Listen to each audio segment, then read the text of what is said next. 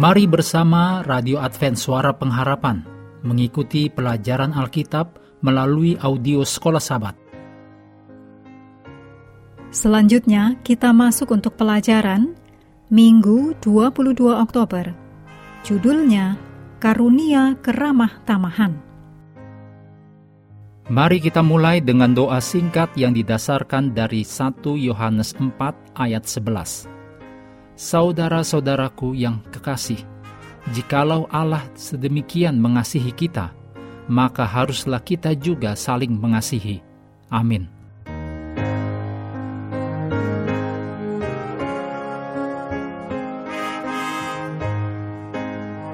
Dalam kejadian 18 ayat 1 sampai 15 terdapat unsur-unsur dari keramah tamahan yang ditunjukkan oleh Abraham dalam menyambut tamunya. Abraham sedang duduk di pintu masuk tendanya pada hari yang panas itu. Tindakan ini bukanlah hal yang biasa. Pada jam-jam seperti itu di musim panas, ketika matahari berada di puncaknya, setiap orang akan mencari keteduhan dan angin segar. Tetapi mungkin saja Abraham duduk saat panas itu untuk membantu siapa saja yang mungkin lewat. Sementara Abraham berada di sana, dia melihat tiga orang pelancong atau orang asing. Sangat mungkin, sesuai kebiasaannya, Abraham menawarkan keramah tamahan kepada orang-orang asing.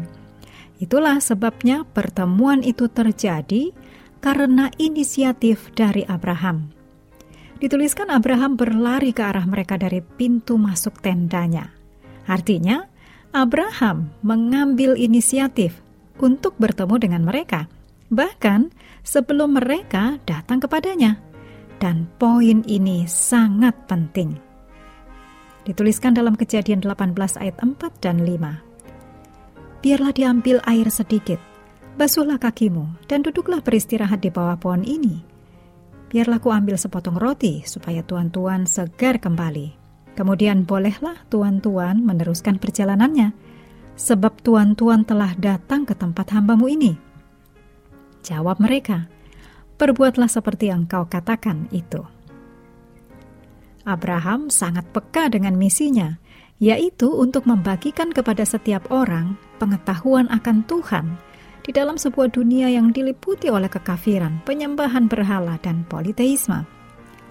Seperti yang bisa kita lihat dalam peristiwa ini, cara Abraham yang paling cepat untuk memenuhi misinya adalah melalui keramah tamahan yang ditunjukkan kepada orang-orang asing ini yang kelihatannya baru saja muncul.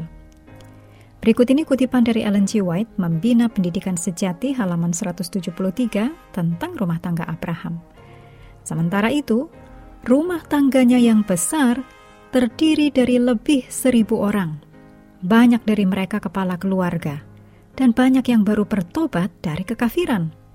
Rumah tangga yang sedemikian memerlukan pimpinan yang kuat. Tidak ada metode yang lemah dan ragu-ragu yang memadai. Dan pengaruh Abraham diperluas sampai di luar keluarganya. Ke mana saja dia mendirikan tendanya, dia mendirikan mesbah untuk korban bakaran dan kebaktian.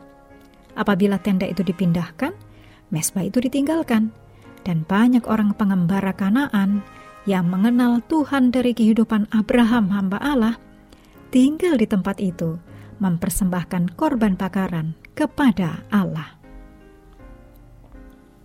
Sejak awal, Abraham mengerti bahwa Allah telah memanggil dia untuk misi dan bahwa kepergiannya ke negeri perjanjian bukanlah untuk liburan, tetapi untuk menjadi berkat bagi mereka yang ada di sekelilingnya dan menjadi berkat bagi dunia melalui keturunannya.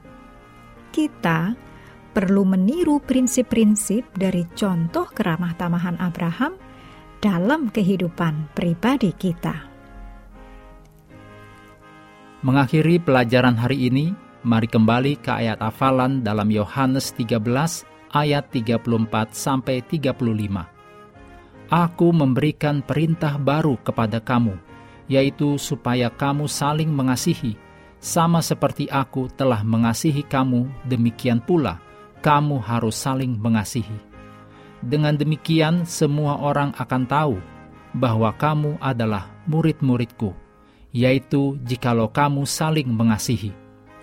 Kami terus mendorong Anda mengambil waktu bersekutu dengan Tuhan setiap hari, baik melalui renungan harian, pelajaran sekolah sahabat, juga bacaan Alkitab sedunia, percayalah kepada nabi-nabinya, yang untuk hari ini melanjutkan dari Amsal 19. Tuhan memberkati kita semua.